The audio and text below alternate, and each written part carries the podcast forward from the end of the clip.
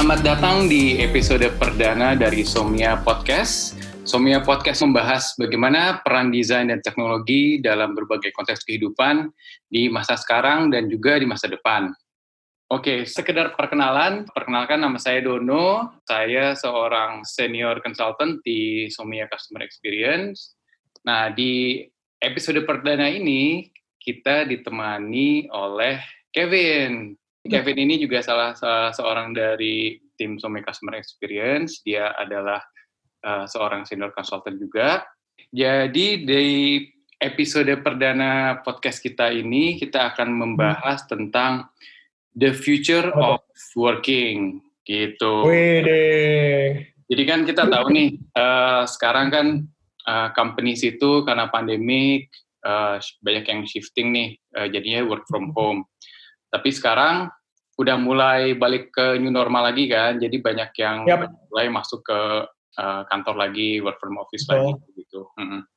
Uh, paling nanti kita uh, akan ngebahas apa sih uh, implikasinya work from home ini, terus di masa akan datang kira-kira akan kayak gimana ya pola kerja kita, cara kita bekerja dan segalanya nanti kita akan uh, bahas kali ya.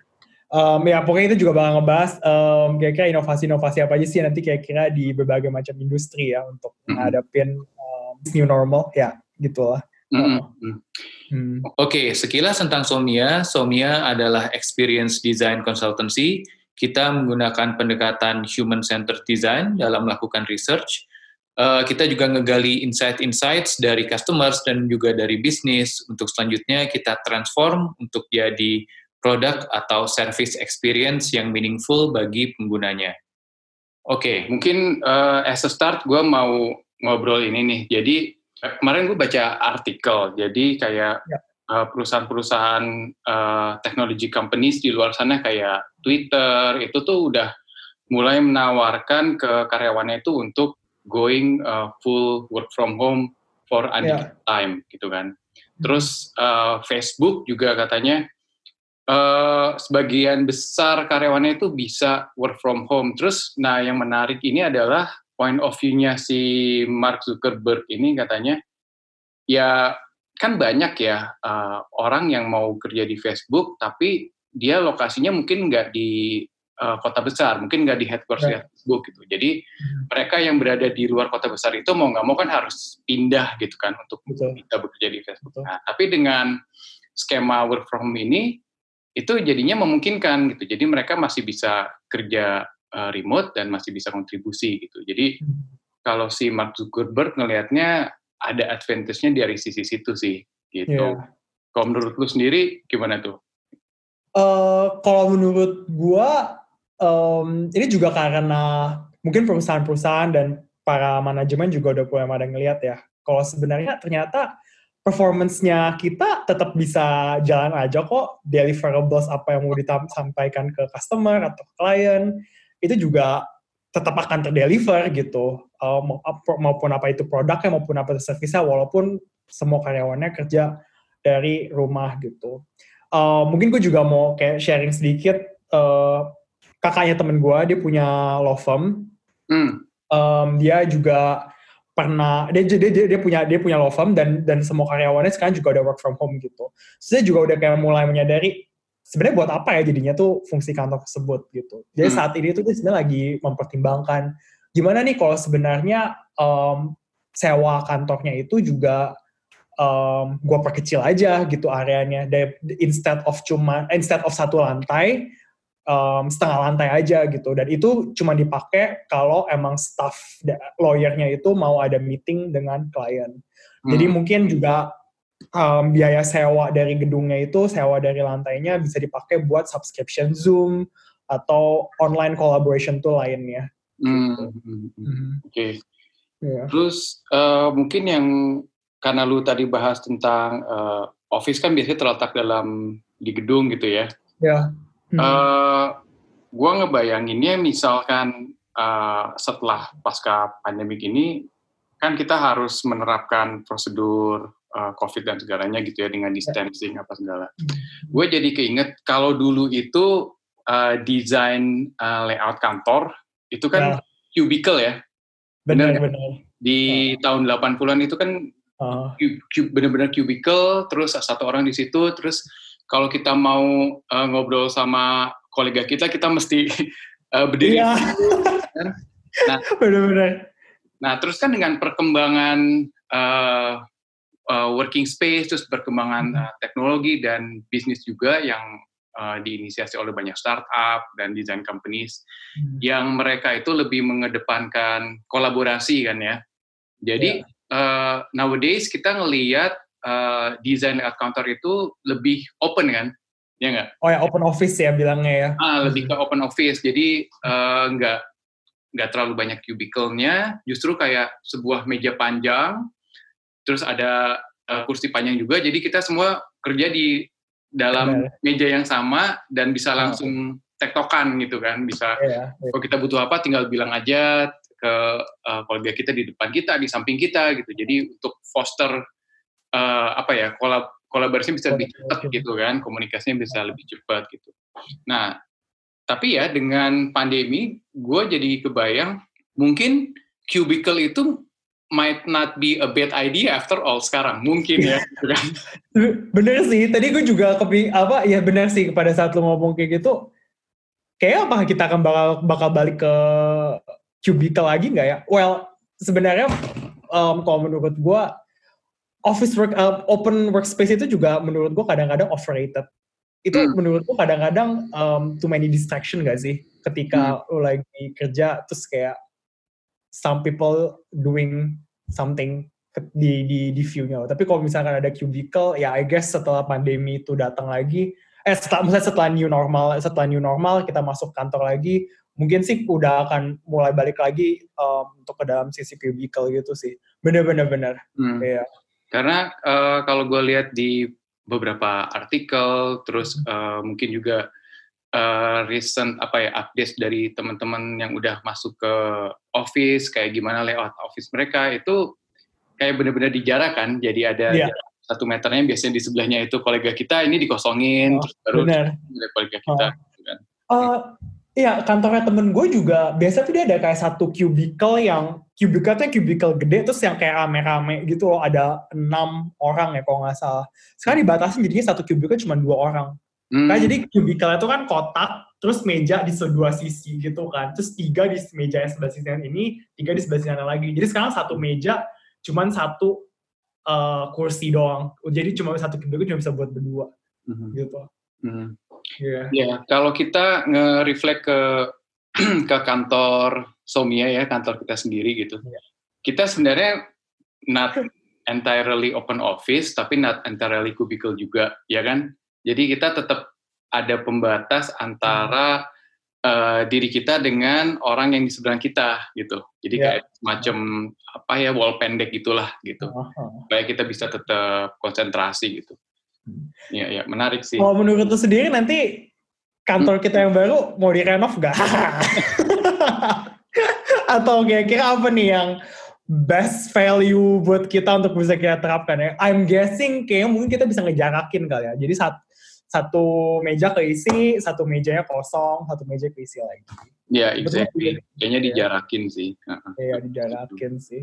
Oh. Oke, Ya. Itu kalau di gedung. Terus kira-kira implikasinya apa lagi ya? Gimana kalau misalkan tentang apa ya? Kalau menurut gue komunikasi sih, I guess di ke depannya. Ketika nanti misalkan um, kayak tadi gue bilang ya, mungkin ada perusahaan-perusahaan yang udah mulai berpikir untuk uh, memperkecil office space-nya, tapi kan sebenarnya juga berarti uh, perusahaan, peru- ah, sorry, dari pihak building management juga harus berpikir dong, wah gimana nih berarti dengan office-office space yang kosong itu hmm, mau kita apain? Mungkin mereka akan, I don't know, mungkin mereka akan berpikir untuk co-working space, jadi orang-orang bisa nyewain um, harian, dan mungkin mereka juga akan dipaksa juga ya untuk berinovasi, um, gimana caranya ngebuat tempat itu tetap merasa, orang bekerja di tempat itu tetap merasa aman dan nyaman gitu. hmm, Dan mereka akan- mungkin komunikasi akan berbeda kayak, how our space is better than your home, or something like that.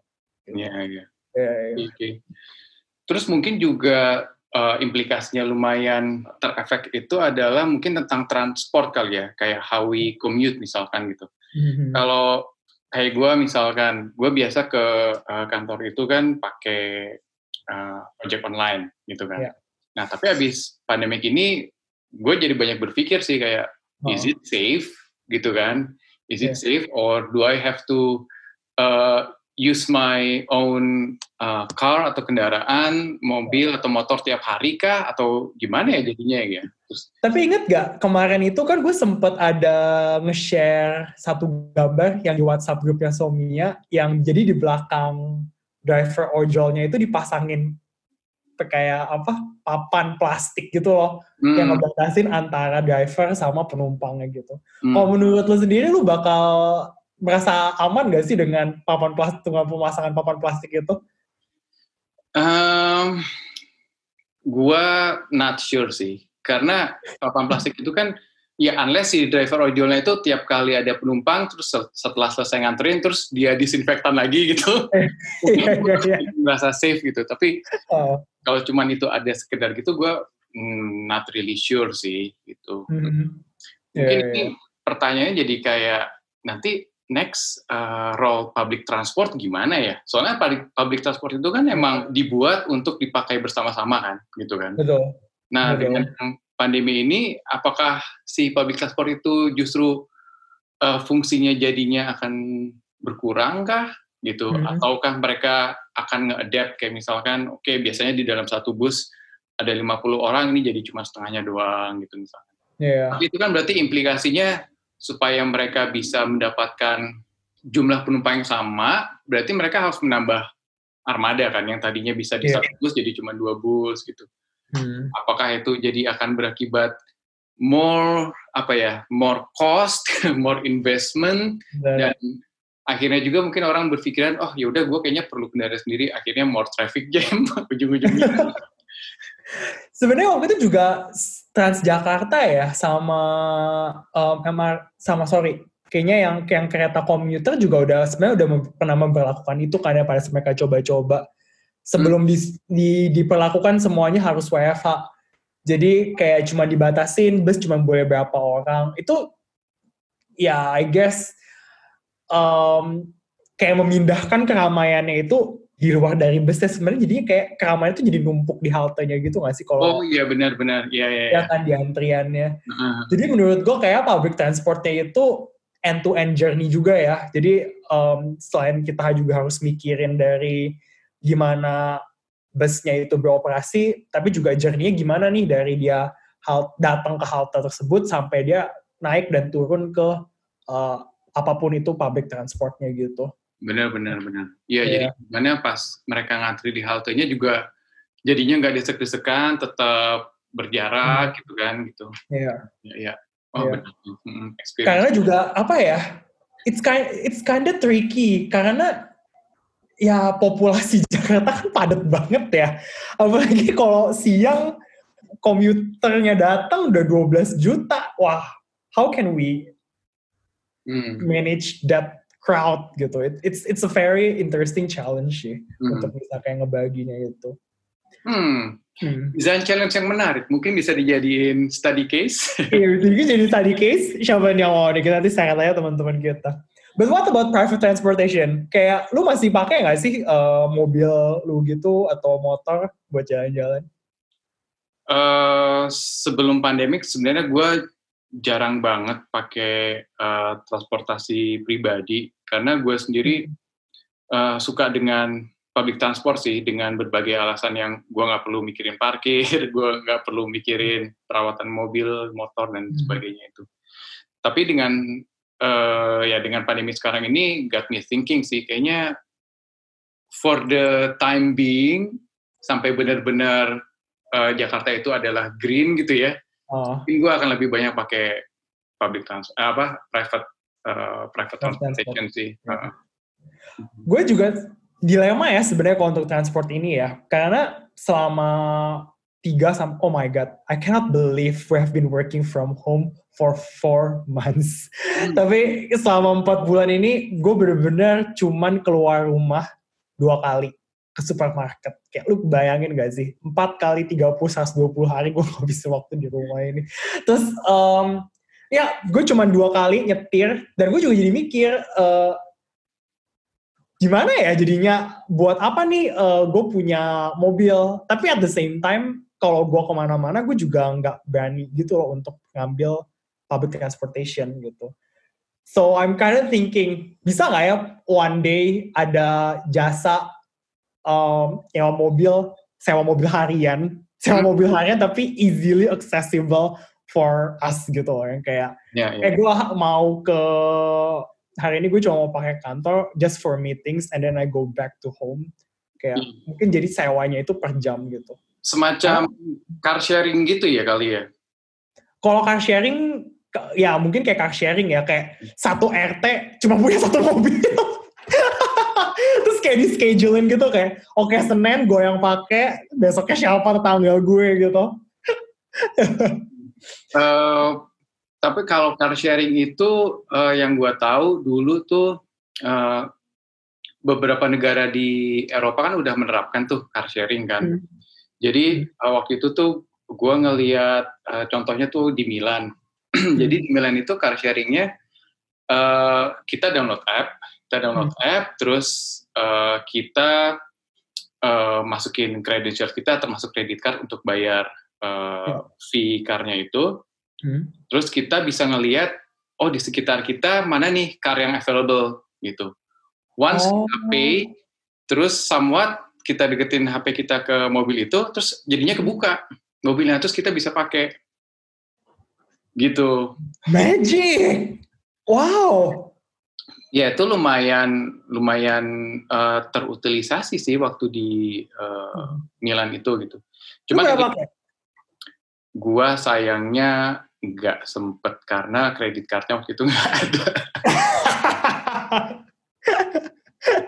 Tapi itu itu ide yang menarik sih, kayak ya with the current technology it's possible. Yeah. Cuman ya, tapi berarti um, kepemilikan dari mobilnya itu ada perusahaan yang ngurusin ya, gitu ya? Yes, ada perusahaan yang ngurusin. Mm -hmm. hmm. Ya menurut gue menarik sih karena gimana ya?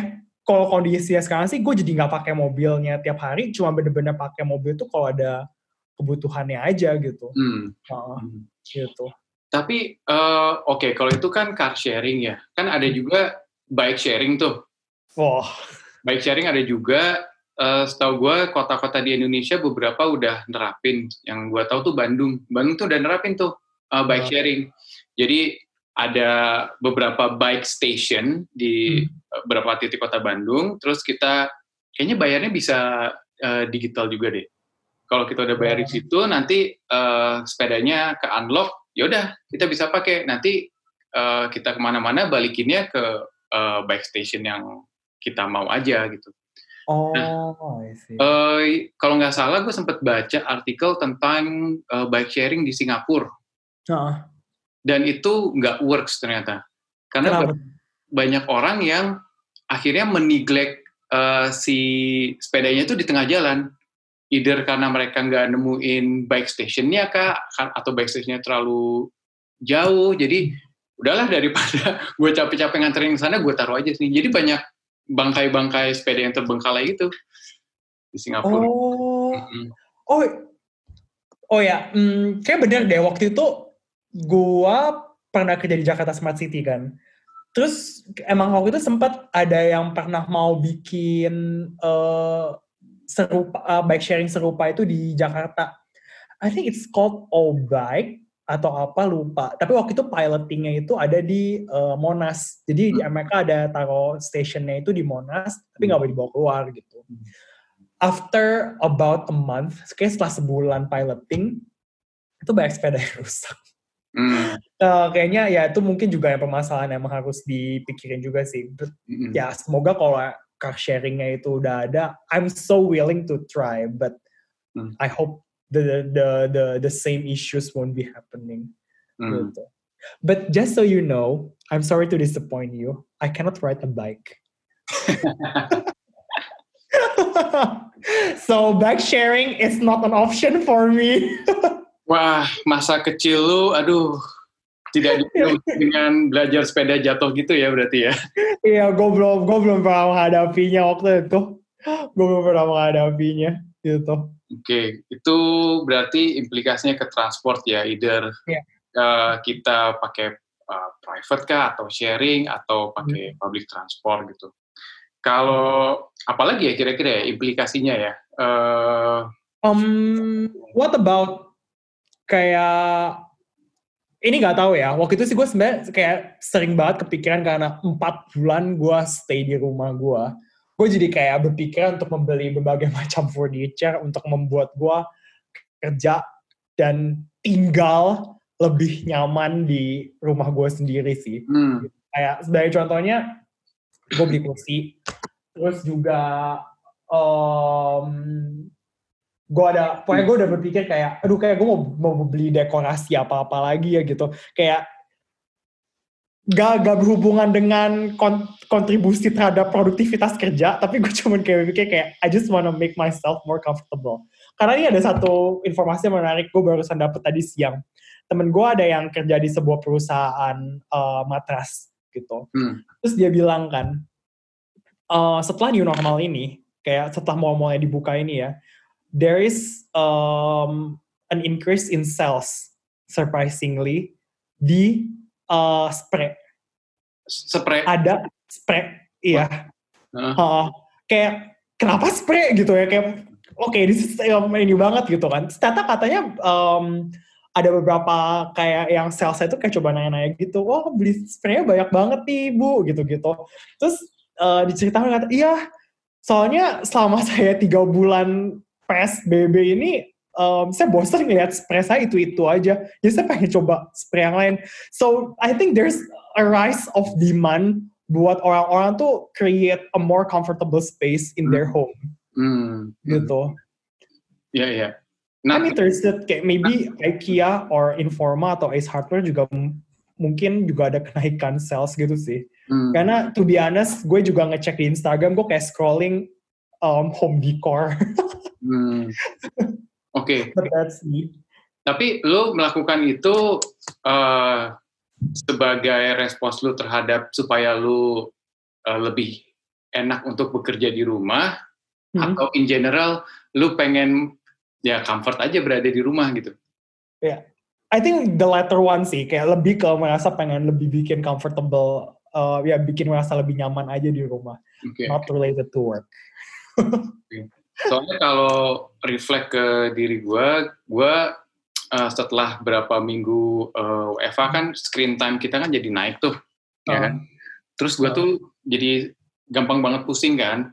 Jadi, yeah, yeah. Terus istri gue bilang, uh, mesti pakai itu kali yang kacamata anti radiasi. Ah, yang bener emang itu ngaruh. Ternyata udahlah coba beli. Ternyata yeah. ngaruh, bener-bener ngaruh. Itu ngeblok, oh, yeah? uh, uh, ngeblok 40% radiasi gitu dan lumayan sih jadi gue jadi nggak pusing lagi gitu kayaknya itu purchases yang gue beli karena in effect to uh, work from home gitu. testimoni dari seorang pengguna nyata tapi yang menarik ini ada temen gue bekerja di salah satu uh, unicorn lah ya di Indonesia oh. jadi kan uh, mereka me, uh, membiarkan karyawan itu WFH, tapi yang menarik adalah kursi-kursi yang ada di kantor itu mereka bisa hmm. pinjam untuk mereka taruh di hmm. rumah.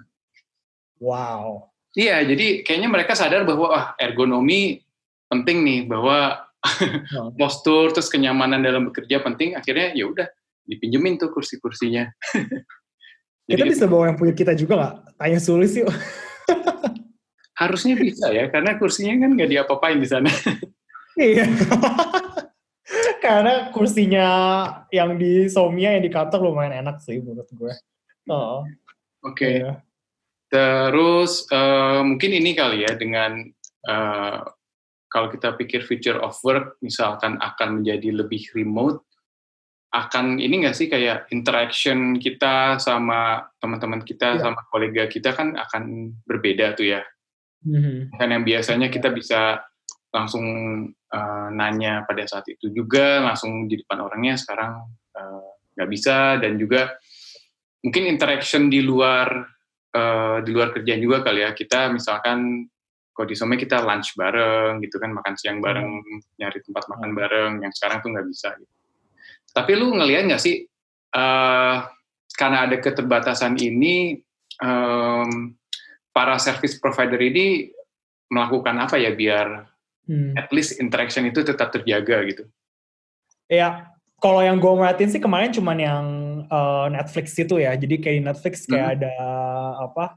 Uh, kayak bisa kayak ada fitur untuk kayak watch together with your friends. Gue sebenarnya sejauh ini masih belum nyoba sih. Tapi waktu itu temen gue yang ngasih tahu ke gue. Jadi kayak lebih ke ini ya, kayak itu lebih ke di entertainment industry kali ya untuk yang connection antar colleagues and friends. Sejauh ini sih gue juga apa ya yang sebenarnya uh, kita bisa lakukan sih untuk bisa mempererat tali persaudaraan ini lagi. Karena kemarin juga minggu lalu kita juga sempat bahas ya kayak um, everyone miss each other for for for for Hmm. three months not meeting gitu Hmm. di ini. Hmm. I don't know kayak apa yang bisa kita. But at the same time, menurut gue juga ada tension yang menarik sih waktu itu pada saat kita ngobrol bareng. Kita kangen untuk bisa ketemu bareng, ngobrol bareng. Tapi di saat yang bersamaan kita juga nggak mau spend our lunch break di depan komputer, nggak mau lagi ngeliat layar gitu.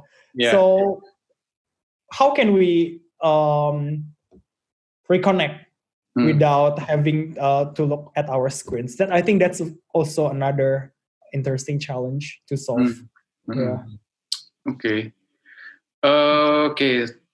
Terus mungkin kalau bicarain future of work nih, kan kita udah hampir balik ke new normal, balik ke office nantinya. Tapi belum tahu ya eh, kebijakannya akan seperti apa. Apakah fully dari office ataukah akan 50-50. Tapi menurut persepsi lu sendiri kayak gimana tuh? Apakah akan fully remote seperti ini terus? Ataukah balik lagi ke uh, full from office? Um, in the near future, kalau gua sih sebenarnya kalau gua sih sebenarnya lebih memilih untuk um, tetap work from home sih. Kayak I mean ya there are some pros and cons. Tapi kalau misalkan selama kita masih bisa ngejaga uh, productivity and deliverables, tetap kirim dan segala macam, I still prefer to work from home gitu. Hmm. Ya gak bisa ketemu ya udahlah. But I think there's a risk for us kalau kita harus keluar gitu. Kalau tapi maybe it will be great juga karena um, kita juga sebenarnya kantor kita nggak terlalu gede ya. Mungkin um, agak ada nyampur gitu kali ya kayak tiga hari ke kantor tapi dua hari di rumah gitu. Hmm. Atau kayak ada beberapa kan juga ada yang kayak kayak piket ronda gitu kan yang pakai per batch gitu seminggu siapa seminggu siapa gitu diputar-putar. Kalau gua sih ngelihatnya in the future uh, sebenarnya beneficial kalau bisa working remote sih. Karena kenapa? Karena menurut gue ini masalah point of view. Misalkan gini, ke Ya. gue itu kan juga berdomisili di Bandung sebenarnya kan, gitu. Benar. Jadi benar. uh, what if gue kerja dari Bandung, jadi gue bisa melihat situasi apa ya, melihat dan merasakan situasi dan kondisi apa nih yang terjadi di sekitar gue di Bandung gitu kan. Dan itu bisa adds up uh, terhadap uh, point of view kita gitu. Karena kalau Hmm. kita ngumpul di Jakarta semua berarti point of view kita kan sekitar Jakarta aja gitu kan. Menurut gue salah satu benefitnya itu sih dan juga uh, mungkin juga dari uh, lokasi yang berbeda itu kita bisa ngembangin uh, network lagi gitu. Ya. Ada ya kan kita bisa bekerja di- dengan berbagai entitas yang ada di uh, kota tersebut gitu. Jadi nggak nggak terbatas di Jakarta doang gitu. Dan sebenarnya itu juga berarti uh, mungkin nggak cuman kita ya, tapi organisasi-organisasi lain yang bisa ngelakuin hal kayak gitu, sebenarnya memudahkan untuk mereka untuk expand their network, expand their business di kota-kota mana pun, ngerekrut siapa pun dan melayani siapa pun gitu ya. Hmm. So borderless, Ya. it's borderless. Hmm. Hmm. Ya. Oh, pernah baca juga artikel dari Alibaba of Jack Ma. Hah? Katanya sih in the future, mungkin in near 2030 itu, uh, most business itu akan sebenarnya uh, small to medium businesses with uh, medium teams, jadi nggak yang sampai beratus-ratus banyak itu. Hah? Dan mostly working on uh, platforms and digital. Jadi uh, segala uh, komunikasinya, pertukaran values-nya itu memang udah di secara digital gitu. Hmm. Ya mungkin itu ya yang kita mesti perhatiin kali ya kayak gimana nih yeah. supaya kita juga bisa adapt gitu nanti uh, ke depannya gitu. Iya. Yeah. Kayak sebenarnya dari sekarang juga udah mulai agak kelihatan ya kayak dari bahkan sampai healthcare kita udah ada what they call telehealth or tele telemedicine. Telemedicine, right? Telehealth. telemedicine kayak um, udah mulai banyak kan yang kayak sebenarnya decentralized. Kita nggak perlu kita yang datang ke bisnisnya, tapi it can be happening in in digital world. Uh -huh. Look, actually looking forward to it. Ya, yeah, exactly. Healthcare salah satu industri yeah. yang lagi bergeliat juga nih di digital hmm. ya. Atau yang kayak kemarin gue share pas banget uh, yang apa tuh? $15 a month and you can stream artworks in your home. Kayak you don't have to go to museum anymore. Hmm. Uh, kind of sad but okay. Hmm. For a fraction of cost, you get the not this okay, not maybe not the same experience like you experience the painting itself, but yeah. hmm. you get the fraction of the experience yeah. Benar, benar. Uh, kayak mungkin bisa kayak I don't know, lu beli satu TV khusus, terus lu colok gitu loh. Lu, lu beli smart TV, terus habis itu lu install aplikasi, lu subscribe. Menarik banget. Yeah. Oke, okay. that's it kali ya uh, yang kita bisa bahas tentang uh, future of work ini. Uh, hmm. Definitely it's changing, ya, yeah. it's True. changing dan uh, kita uh, mesti adapt sih gitu. Dan karena ini bakal berpengaruh juga ke how we do business, how we communicate, how we uh, dan termasuk juga uh, how we invest. Customers, ya. Yeah. Exactly, ya, yeah, ya. Yeah. Oke, okay, uh, kalau gitu uh, Kevin makasih banyak uh, buat waktunya. Thank you for inviting me. Oke, okay, terima kasih yang sudah uh, mendengarkan di episode perdana Somnia Podcast ini. Ya. Yeah. Uh, Nah, mungkin uh, for the next episode uh, kita bisa minta feedback kali ya dari para pendengar. Mm-hmm. Kira-kira what topik sih yang kalian mau dengar dan kita bisa bahas di sini gitu. Benar. It, uh, What's future of design and technology that you want to hear from us? Ya, yeah, gimana impactnya terhadap kehidupan kita gitu ya. Oh. Oke. Okay. Alright. See you on the next episode. Bye. Bye.